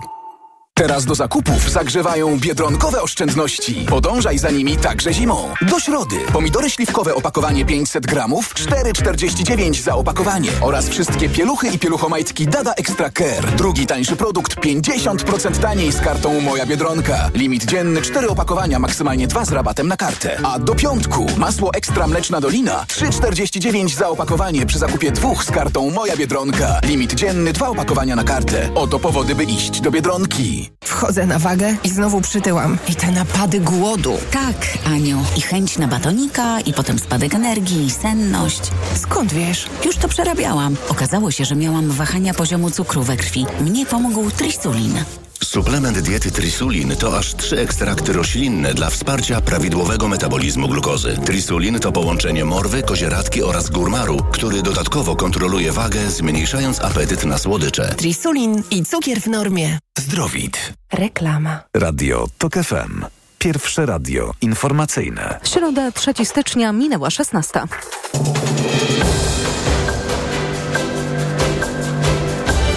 Informacje TOK FM. Anna Draganek-Weiss. W połowie stycznia planowane jest zakończenie audytu w Narodowym Centrum Badań i Rozwoju. To ustalenia TOK FM. W Wielkiej Brytanii ruszył strajk młodych lekarzy. Niezły konkurs polskich skoczków w Innsbrucku w ramach turnieju czterech skoczni.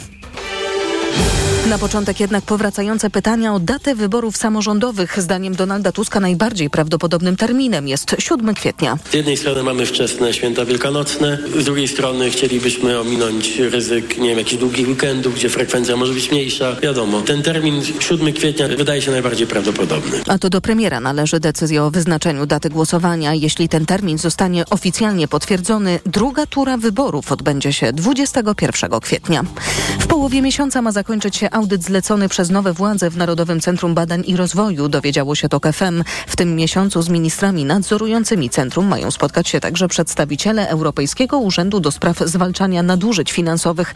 Centrum jeszcze jest nadzorowane przez resort funduszy, ale ma przejść pod kontrolę Ministerstwa Nauki. Monika Wroczko. Audyt ma objąć także spółki działające wokół Narodowego Centrum Badań i Rozwoju. To cztery podmioty, wśród nich także Fundusz Venture Capital. Minister nauki Dariusz Wieczorek uważa, że skala nadużyć może być znacznie większa niż ta, którą już poznaliśmy. Nowe władze wystąpiły też o dokumenty z kontroli już przeprowadzonych przez NIK czy CBA. Wystąpimy o wszystkie dokumenty, bo dzisiaj trzeba zrobić wszystko, żeby ta instytucja mogła dalej wydatkować środki z Unii Europejskiej, ale w sposób transparentny i uczciwy. NCBIR za poprzednich rządów było podporządkowane koalicjantom PiS, republikanom Adama Bielana. Ale polityczną odpowiedzialność po wybuchu afery z przyznaniem wielomilionowych dotacji poniósł jedynie odwołany wiceminister funduszy Jacek Żalek.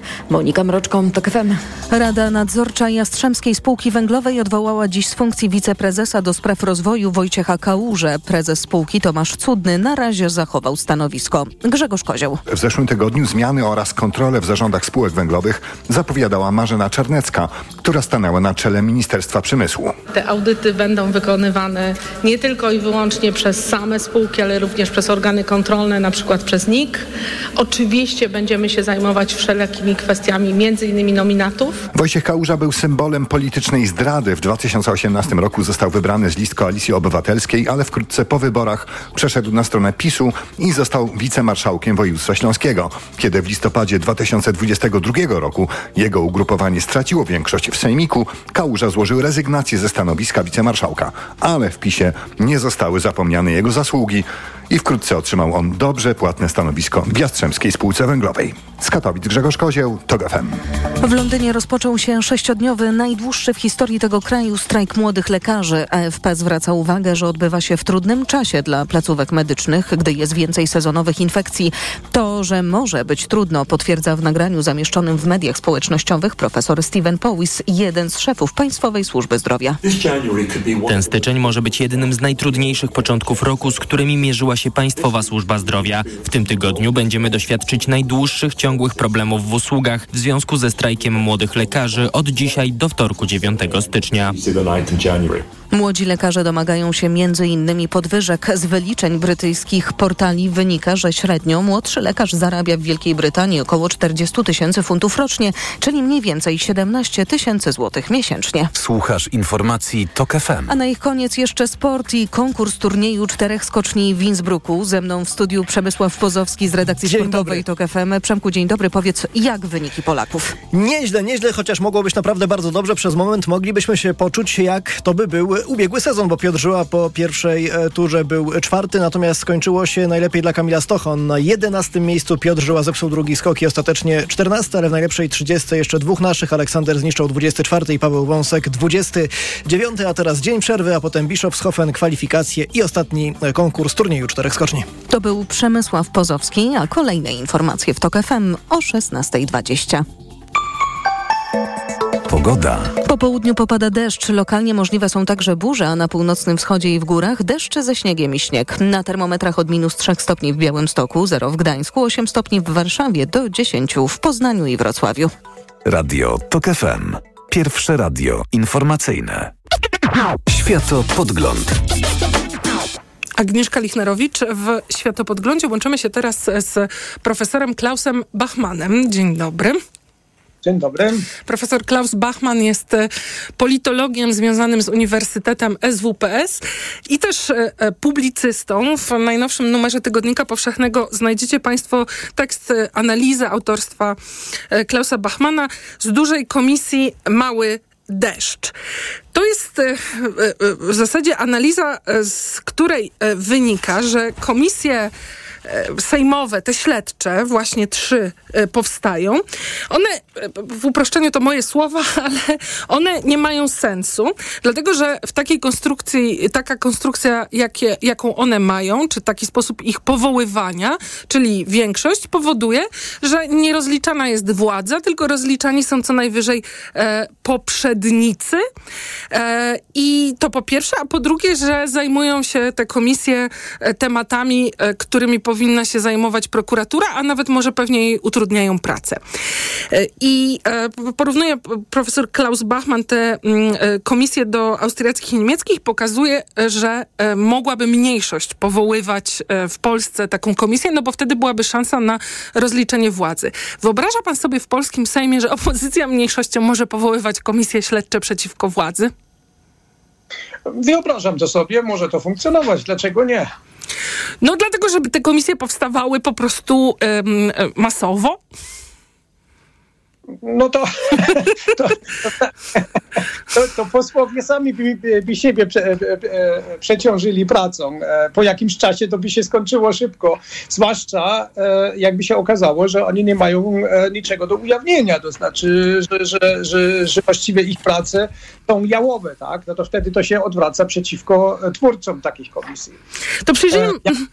przyjrzyjmy się tym trzem komisjom, które mają, które jedna już powstała, a dwie mają powstać czyli e, Pegasus, e, e, afera wizowa w MSZ za czasów ministra Rała oraz wybory kopertowe. Która z nich z, z analizy profesora Bachmana ma sens?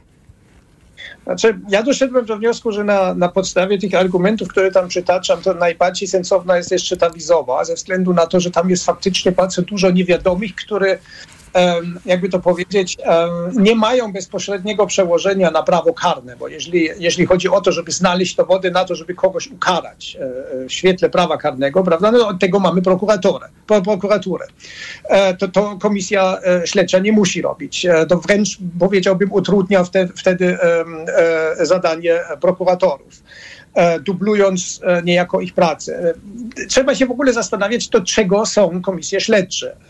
Jest jedna, jedna, jeden z tych powodów powołania komisji śledczej, o którym już mówiliśmy, to jest to, żeby kontrolować władzę. No ale kontrolować władzę można tylko, jeśli można taką komisję powołać wbrew władzy, to znaczy wbrew rządowi, co też stanowi wtedy duże ostrzeżenie dla członków tego rządu, prawda? Nie przekraczajcie swoich uprawnień, uprawnień nie bądźcie nie, bądźcie e, skorumpowani, nie bierzcie łapówek, nie kradnijcie i tak dalej e, bo inaczej tutaj można powołać e, komisję śledczą i wtedy będzie wam, że tak powiem, źle. To jest dokładnie odwrotny sygnał niż ten, który wysłał PiS 8 lat temu, likwidując słuszne instytucje powołane do tego, żeby kontrolować i ograniczyć pole manewru rządu bo to jest sygnał dla członków rządu, o, możecie, może, ja, ja mówię teraz bardzo, mhm. że tak powiem, prawda, możecie kraść, no bo przecież nie ma już instytucji albo, e, e, które, które to kontrolują, które was może ograniczyć, może wam patrzeć na ręce, a nawet jeśli taka instytucja jest, to my ją obsadzamy naszymi ludźmi i wtedy ona, ona będzie śledzić e, kradzieże opozycji, a nie naszych, tak? Można wysłać odwrotny sygnał, dając e, opozycji możliwość powołania e, komisji śledczej, bo wtedy rząd, e, premier Tusk na przykład może swoim ministrom powiedzieć, ok, wy musicie być bardziej jak to się mówi, święci od papieża, prawda? Bo inaczej no, mamy tutaj ten, ten młotek, czy ten, ten miecz Damoklesa nad sobą, że PiS może nam powołać komisję śledczą, a będziecie musieli tam zeznawać. No albo... To jest, to jest, to jest jedna funkcja, natomiast ta druga funkcja, i to, to dotyczy teraz e, pytania, pytanie, e, ta druga funkcja, ona polega na tym, żeby ujawniać nieprawidłowości w funkcjonowaniu państwa, organów państwa, tak? Ona nie polega na tym, żeby kogoś ukarać, żeby prowadzić śledztwo, żeby robić proces, od tego jest prokuratura tylko ona polega na tym, żeby ujawnić, co źle funkcjonowało, żeby temu zapobiec na przyszłość. No i tu faktycznie w przypadku e, afery wizowej jest sporo do ujawnienia. Na przykład e, jeżeli chodzi o to, jak funkcjonuje współpraca MSZ z MSW, MSW e, z Unią Europejską, jak w ogóle funkcjonuje wydawanie wiz i jak można na przykład w przyszłości jak potrzebujemy, e, a będziemy potrzebować bardzo dużo pracowników e, zagranicznych, prawda, jak ich szybko i, bez, e, i nie biurokratycznie, ale jednocześnie bez korupcji, że tak powiem, importować. Bo to jest główny problem, który się za tym, który, który się za tym kryje, prawda, za tą aferą. No a mm, bo, bo, rozumiem, że w tej drugiej wersji e, to e, byłoby nie kontrolujące, tylko rozliczające, ale no tak brzmi to trochę jak na polskie warunki ostatnich ośmiu lat, to znaczy trzeba mieć wiarę, że to jest w Polsce możliwe, no bo rozumiem, że mówi pan o takiej roli, która polegałaby na zrozumieniu, gdzie system nie zadziałał, tak? To znaczy, jak to tak, było tak, możliwe, że doszło do tej afery? Tak, tak, że nie chodzi o to, żeby y, delegitymizować, czy tam e, oskarżyć publicznie, napiętnować poprzedników, e, ewentualnie zastępować e, prokuraturę, tylko chodzi o to, żeby tak pokazać, gdzie państwo było słabe i w jaki sposób możemy go wzmocnić, tak żeby lepiej funkcjonowało w przyszłości. Ale to e, proszę powiedzieć, dlaczego nie miałoby chodzić również o to, żeby ukarać tych, e, którzy e, są współodpowiedzialni? dlatego że prokuratura jest od tego. No, Tego zresztą komisja, śledcza i tak nie zrobi. Ona nie jest e, sądem karnym.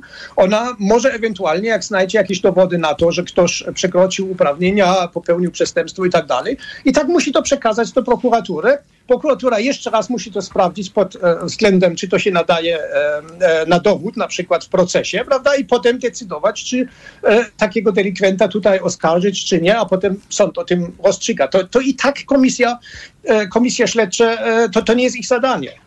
Nie mają takiej możliwości. No ale w prawnej. takim społecznym sensie, e, e, no to taka kara społeczna, infamia na naszych oczach by było widać, kto, że ten człowiek, on no właśnie się dopuścił różnych rzeczy. No, w praktyce to wygląda zazwyczaj tak, że e, wtedy powstaje e, raport komisji i kontrraport e, opozycji, która będzie bronić takiego delikwenta, powiedzmy sobie, i ludzie mogą sobie wtedy wybrać, którą, e, której, no, której wersji dają, dają wiarę, tak? E, To, to, co my dzisiaj uważamy, znaczy, to, ja mam wrażenie, że w tej dyskusji wszyscy się odnoszą do komisji Rywina. dotyczącej Rywina, prawda? Że to jest taki wsącowy em, taki punkt odniesienia, tak? No ale jak się skończyło, no dwoma latami więzienia, nieujawnieniem e, żadnego, e, że tak powiem, e, tła tego, prawda? Nie, brakiem odpowiedzi na podstawowe pytanie, czy on działał sam, czy w czyim imieniu ewentualnie działał. No i poza tym, no cały ten wysiłek po to, żeby kogoś ukarać dwoma latami więzienia. No to można powiedzieć, no fantastyczny sukces, no. Tylko gratulować. Zwłaszcza, że jeszcze zwraca pan uwagę... A i, tak, a i tak robił to potem sąd, prawda, a nie komisja. I zwraca pan uwagę na to, że to był specyficzny moment. e, Rząd e, jakby mógł sobie. Mogła powstać komisja przeciwko rządzącym, dlatego że rząd był e, wtedy już wystarczająco słaby, mówiąc w uproszczeniu. No to zgadza się, tak, zgadza się. No ale bo, bo, tutaj może bym jasno, wprost zapytała pa, pana profesora, bo ja zrozumiałam nawet z pana analizy, że pan uważa, że ta rola karząca, no ona, czy poszukiwanie właśnie możliwości ukarania winnych przez taką komisję w Sejmie, no ono jest szkodliwe, bo z jednej strony właśnie może utrudniać pracę prokuraturze, wchodzić jej w drogę, a po drugie e, trudno skłonić ludzi do mówienia, analizowania razem z nami, tym, którzy brali w tym udział, co nie zadziałało w systemie, jeżeli grozi im kara. Dokładnie. No jeżeli każdy, każdy, który zostanie wezwany pod oblicze takiej komisji teraz, myślę, że w najbliższych tygodniach będziemy to, zobaczymy to, będziemy mogli to obserwować, no to oczywiście będzie się powoływać na to, że ewentualnie e, jego zeznanie może, może, e, em, może go narazić na sankcje karne, ponieważ na przykład jednocześnie toczy się śledztwo w prokuraturze przeciwko niemu z tego samego e, zachowania, powiedzmy sobie, tak? E, więc on, on stanie przed komisją i będzie milczeć i będzie, będzie miał prawo milczeć. No dobrze, ale mimo wszystko zwraca pan uwagę, że ta komisja do wyjaśnienia e, afery wizowej mogłaby mieć sens, no bo tam właśnie pytanie, co nie zadziałało, jakie instytucje kontrolne, a przede wszystkim, no właściwie to system wydawania wiz, czy e, mówiąc szerzej, e, brak e, polityki czy strategii migracyjnej gdzieś pewnie by wyszedł em, na wierzch, to znaczy na tym by trzeba było się skupić.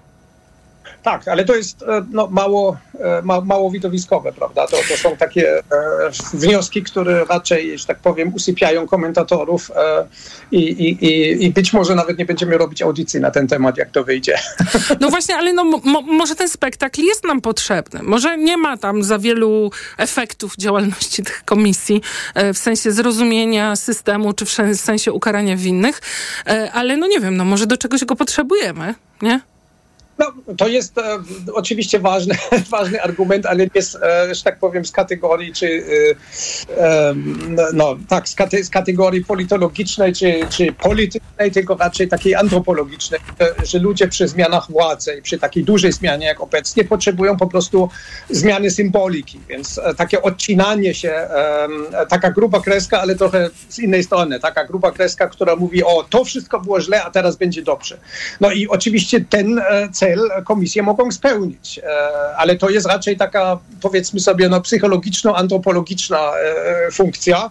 E, no tak jak, nie wiem, w Biblii, prawda, nie wiem, za, za, za zabicie kozła ofiarnego na przykład. No ta afera kopertowa, znaczy wybory kopertowe jest dobrym przykładem, bo my mniej więcej dzięki, tak jak pan pisze, działalności organizacji pozarządowych i mediów, rozumiemy, co się działo, ale może musimy zobaczyć, jak oni się z tego tłumaczą. E, no nie wiem, tak myślę, ale to może jeszcze inaczej. A dlaczego Pegasusowa nie, nie ma sensu? No tu też jest wyjaśnienie jakichś mechanizmów w państwie, co, co nie zadziałało, że, że nie uchroniło obywateli przed e, Pegasusem. No tak, ale to praktycznie e, albo wszystko już wiemy, dzięki temu, że to się odbywało za granicą, prawda, że, że Apple powiadomił e, właścicieli e, smartfonów o tym, że ich, ich smartfon jest infekowany, że ten, to laboratorium, z którym Toronto. współpracowało polskie media i, i, Amnesty International ujawnił to, że jest taki wirus, czy taki, taki program, powiedzmy sobie. W końcu nawet były informacje z Izraela, no i przede wszystkim, to jest najważniejsze, informacje na ten temat, e, dowody na to, one są w ministerstwach, które w tej chwili zostały opanowane przez, e, przez opozycję, czy przez nowy rząd, prawda? Więc to wszystko jest dostępne. Do tego komisja śledcza nie jest potrzebna. Bardzo dziękuję panie profesorze za rozmowę. Doczytacie państwo więcej w analizie profesora Klausa Bachmana w Tygodniku Powszechnym. No i do, zostawiam słuchaczki i słuchaczy z pytaniem, po co nam komisje śledcze, czy naprawdę naprawdę ich potrzebujemy. No i wtedy pytanie, czy jesteśmy gotowi i będziemy zabiegać o reformę systemu powoływania ich, ale już informacje. Światopodgląd. Amerykańska deklaracja niepodległości została uchwalona 2, a nie 4 lipca. Kongresmeni redagowali jej tekst jeszcze dwa dni, zanim posłali go do druku. Owczarek. Od poniedziałku do piątku od dziesiątej. Reklama. Signer. Kolor. Feria barw i immersyjne pejzaże epoki cyfrowej w zabytkowym Pałacu Opatów w Gdańsku Oliwie. Wielkoformatowe eksperymenty z kolorem, formą i rytmem. Na wystawę zaprasza Muzeum Narodowe w Gdańsku.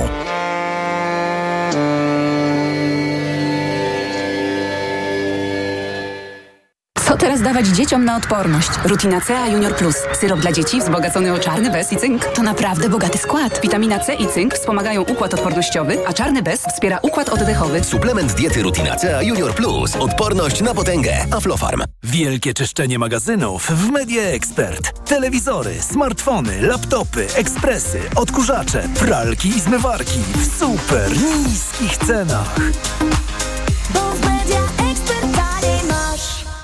Gdy za oknem zawierucha, cierpi na tym nos malucha. Aromactive, plaster mały wnet uwalnia zapach cały i troskliwie nos otacza. Lekki oddech szybko wkracza. Aromactive zmniejsza troski, pielęgnuje małe noski. Dostępny w aptekach. Dziś w Wyborczej. Co się zmieni w 2024 roku? O ile wzrosną emerytury, podatki i świadczenia socjalne? Jak zmieni się prawo drogowe? Dodatek specjalny dziś w Wyborczej. Czasami drobne zmiany Zapuściłeś brodę? Podoba mi się. prowadzą do spektakularnych efektów. Z wypadaniem włosów jest podobnie. Wystarczy zmienić szampon na DX2 przeciw wypadaniu włosów. DX2 wzmacnia cebulki włosów i włosy odrastają odporniejsze na wypadanie. DX2. Reklama. Radio TOK FM. Pierwsze radio informacyjne. Informacje TOK FM.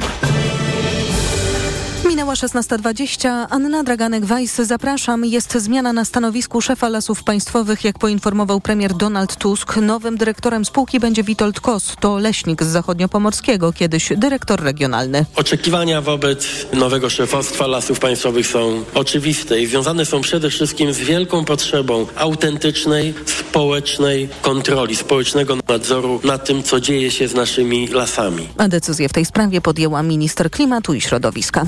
Wyrok w sprawie byłych szefów CBA Mariusza Kamińskiego i Macieja Wąsika skazanych na dwa lata więzienia od dziś może być wykonywany. Mija bowiem 14 dni od jego uprawomocnienia się. Skazani za tzw. Tak aferę gruntową politycy PiSu złożyli odwołanie w sprawie wygaśnięcia ich mandatów poselskich. Sprawa czeka na rozpatrzenie w Sądzie Najwyższym, a prezes PiSu Jarosław Kaczyński sprawę nazywa skandalem, za którą winą obarcza nową koalicję rządzącą. Obydwaj panowie skazani zostali skazani za to, że walczyli z korupcją. Ta władza, która jest dzisiaj, nie chce walki z korupcją, bo to jest władza systemu III Rzeczypospolitej, systemu postkomunistycznego, a jednym z fundamentów tego systemu była właśnie korupcja.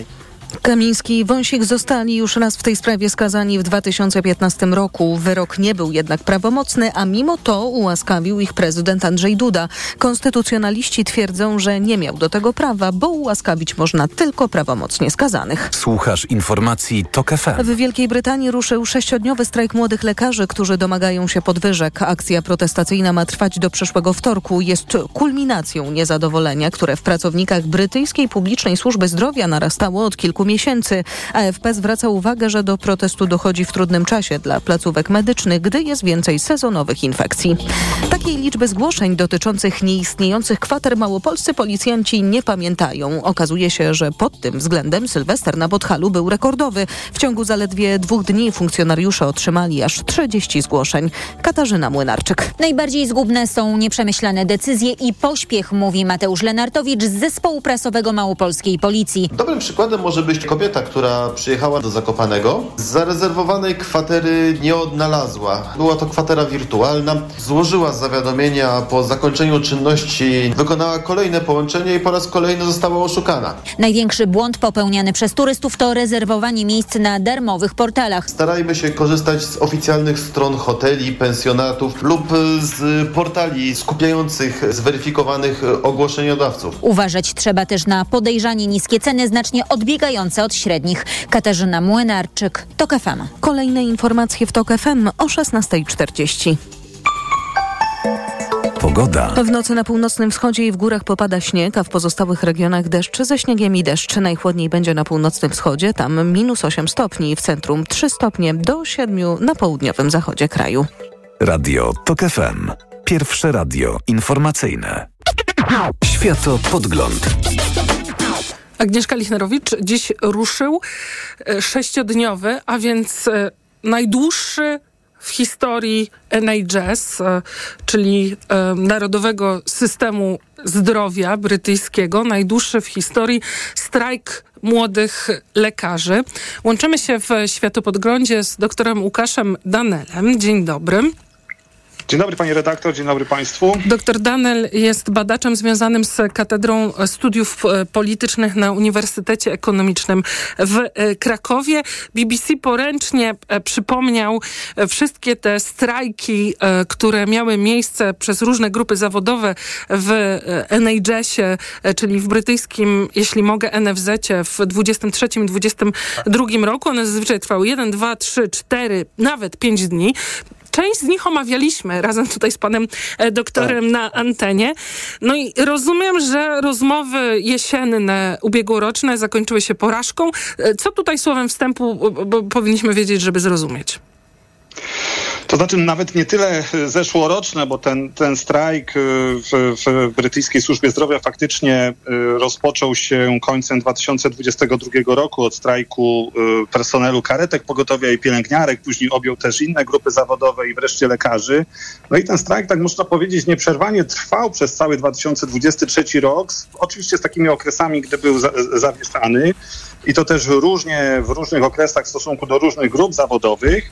Natomiast no, najdłużej jakby trwały y, rozmowy i negocjacje y, z lekarzami i to też podzielonymi na różne y, grupy, bo tutaj jak w Szkocji się dogadali. Serwicie, tak, i też jeszcze podzielone na oczywiście kraje tworzące Zjednoczone Królestwo, bo mówimy tutaj o tym dzisiejszym strajku, to mówimy o Anglii oczywiście. Chociaż i młodzi lekarze w Walii w styczniu zapowiadają, że dołączą do tego strajku, jak pani redaktor powiedziała, w Szkocji udało się dogadać, ponieważ tam e, no, z uwagi też na pewną autonomię, którą te kraje mają, jeśli chodzi o służbę zdrowia, szkockiemu gabinetowi udało się zaproponować satysfakcjonujące podwyżki dla, dla lekarzy. Trwa w tej chwili też głosowanie w Irlandii Północnej, czy przystępują do tego strajku, czy nie, ale no, rozmawiamy o strajku właśnie w Anglii, który, tak jak pani też słusznie zauważyła, ma być, ma przejść do historii, no takiej smutnej historii najdłuższego... 48 rok jest przywoływany. Tak, więc... 48 roku począwszy nigdy, y, nigdy nie było takiego nieprzerwanego okresu akcji protestacyjnej w historii NHS. No, 144 godziny odejścia od, y, od łóżek szpitalnych. Y, to faktycznie, y, jeśli to tak się zakończy, a na razie wszystko wskazuje na to, że, te, że ta akcja nie zostanie przerwana, no to będzie to taki no, niechlubny rekord y, no, z jednej strony tej grupy zawodowej, z drugiej strony no, aktualnego aktualnego rządu. No powodem są tutaj oczywiście e, pieniądze, e, jak się można spodziewać i te oczekiwania, które gdzieś tam jeszcze w połowie zeszłego roku zostały trochę zaspokojone w stosunku do różnych grup lekarzy, no ale te rozmowy miały się w drugiej fazie toczyć w październiku, w listopadzie i one się toczyły równolegle w stosunku i do tych starszych lekarzy, i do tych młodych lekarzy. No i jakkolwiek z tymi starszymi udało się dojść do porozumienia, ale też zaproponowano im całkiem solidną podwyżkę. To w przypadku tej młodszych, a tu też warto zwrócić uwagę na to, że to jest mniej więcej połowa Rozmawiamy o mniej więcej tak. połowie wszystkich lekarzy pracujących w brytyjskich e, szpitalach, czyli to jest ogromna e, liczba personelu medycznego, personelu lekarskiego. No, te rozmowy zostały oficjalnie w, w listopadzie zerwane. No różnica jest y, duża. Tutaj rzeczywiście różne są wyliczenia, ile w ostatnich latach poprzez brak podwyżek, a nawet cięcia w obliczu inflacji, jak bardzo te pensje młodych lekarzy straciły na wartości. To są dwucyfrowe, kilkunastoprocentowe, tak. a nawet dwudziestokilkuprocentowe wyliczane straty, zależy od metody. No ale efekt jest e, taki, e, że ta różnica między... E, Oczekiwaniami. Tak, jest ogromna. Tak, powiedzmy, tak. że 3% proponuje podwyżkę rząd, a lekarze chcą 35%. Tak, 3% mniej więcej średnio proponuje rząd e, od, od teraz, od stycznia, do, do tej podwyżki, która gdzieś tam w połowie roku e, już miała miejsce poprzedniego, też tak na poziomie średnio 8-9%. To jest bardzo trudno, podaję to jako średnie, bo bardzo trudno jest e, jakby dokładnie nawet podać, ile dany lekarz zarabia na danym stanowisku, bo to wszystko zależy od i stażu, i zaszeregowania, i jeszcze innych tam dodatków, więc to uśredniona miałaby być mniej więcej ta podwyżka na poziomie 3%. Natomiast ten związek zawodowy, który rozpoczął dzisiaj akcję strajkową, wyliczył, że właśnie, żeby wrócić do takiego poziomu, do poziomu wynagrodzeń y, mm, uwzględniających to, co się działo w ostatnich kilkunastu w zasadzie latach, czyli przede wszystkim inflację bardzo wysoką, jak na standardy brytyjskie, no to tym lekarzom potrzebna byłaby podwyżka rzędu 35%, no co z kolei rząd oczywiście uznaje za, y, za niemożliwe, ale faktycznie ta rozbieżność jest tak ogromna, że tutaj nawet na tym etapie przynajmniej no trudno, trudno jakiś, jakieś pole do kompromisu znaleźć. No a swoją drogą też tego kompromisu na razie rząd jakoś, jakoś bardzo nie poszukuje z lekarzami. Sytuacja jest, jak rozumiem, taka, że skoro młodzi lekarze e, mają zawiesić, nie pracować przez te sześć dni, to ci starsi, seniorzy, lekarze w sensie trochę tak. starsi, oni mhm. będą wykonywać pewnie te, te, głównie te ratujące życie, a więc wszystkie planowane, niestety również onkologiczne, e, zostają e, przełożone. Ja rozumiem, że to jest takie, znaczy, no nie, nie, nie, aż trudno o tym mówić, bo, bo nie wiadomo, jakie będą konsekwencje. No tak, tutaj y, też to w, serwisie informacyjnym słyszeliśmy, że no, sam o, najtrudniejszy chyba okres w roku jest y, dla każdej służby zdrowia czy dla każdej opieki zdrowotnej w każdym kraju, no bo są te rosnące zachorowania aktualnie i na grypę, i na COVID, i inne y, te sezonowe infekcje. I to jest też zawsze taki czas, kiedy najwięcej lekarzy jest nieobecnych, no bo też chorują. Więc to jest po pierwsze no, fatalny okres, jeśli chodzi o to. Po drugie, no faktycznie wszystkie, wszystkie takie zabiegi, nie wiem, wizyty, nawet planowane operacje, które nie są operacjami ratującymi życie, w takich sytuacjach będą e, odkładane, przekładane, no bo ci lekarze, którzy pozostaną w szpitalach, będą jakby e, przekierowywani do tych e, nagłych wypadków, do tych pilnych, niecierpiących zwłoki czynności, operacji czy usług, to Brytyjczycy nazywają A&E services, czyli e, Accident and Emergency Services, czyli takich faktycznie niecierpiących zwłoki. Więc to e, wpłynie na funkcjonowanie jakby całego systemu, już nie mówiąc w ogóle o, o, o stratach finansowych, bo też obliczono, że w zasadzie od tego czasu, jak ten strajk się rozpoczął, czyli na przestrzeni całego zeszłego roku, te różne grupy zawodowe strajkujące wpłynęły na to, że mm, ponad milion różnego rodzaju wizyt zostało odwołanych czy przełożonych. E, to generuje ogromne też straty e, finansowe, no ale oczywiście też powoduje ogromny niepokój społeczny i, i, i, i trudno się dziwić, że no, Brytyjczycy są dzisiaj przerażeni tym, co się dzieje. Mam tylko badanie z września, no to wtedy jeszcze 53% ankietowanych akurat protesty lekarzy e, popierało tak, tak. to długo by rozmawiać, parę już rozmów poświęciliśmy brytyjskiemu systemowi ochrony zdrowia, który jest dumą w jakimś sensie Brytyjczyków, no i takim, może nie wzorcem Sewra, ale, ale instytucją e, e, ważną. E, więc pytanie, o czym, mm, o czym to jest? To znaczy, e, jak rozumieć, no, z czego wynika fakt, że do, dochodzi do, do tak dramatycznych wydarzeń? Czy to jest o inflacji? Czy to jest o zaniedbaniach rządu, który jednak przez wiele, wiele lat jeszcze za Borysa Johnsona nie za bardzo reagował na mniejsze kryzysy? Czy to jest, jeżeli mogę sobie pozwolić, o reszczeniowości jakiejś grupy zawodowej? Nie, ja myślę, że wiele czynników się tutaj na to złożyło. Y, w zasadzie wszystkie te, które pani y, wymieniła, w jakimś tam stopniu wpływają na, na aktualną sytuację, ale niewątpliwie ja bym tutaj y, na pierwszym miejscu postawił długoletnie zaniedbania mhm. rządu Partii Konserwatywnej, która jest u władzy od 2010 roku. I to faktycznie bito na alarm już od dłuższego czasu. Tu przecież ci lekarze domagają się, tak jak wspomnieliśmy wcześniej, powrotu do zarobków na poziomie z 2008 roku tak. poprzez tę podwyżkę, której oczekują. Więc tutaj długie, długoletnie zaniedbania. Oczywiście też te czynniki zewnętrzne, które w ostatnich dwóch, trzech latach wpłynęły na to, że no, no sytuacja jest jaka jest. No, rząd Sunaka, czy wcześniej Lee Strass, czy wcześniej nawet Johnsona, czyli po tych ostatnich wyborach w 2019 roku wszystkie brytyjskie rządy no, funkcjonują w, w trudnych warunkach. To nie, nie mówię tego na, na obronę tego rządu czy tych rządów, no, ale to też jest jakby no, fakt.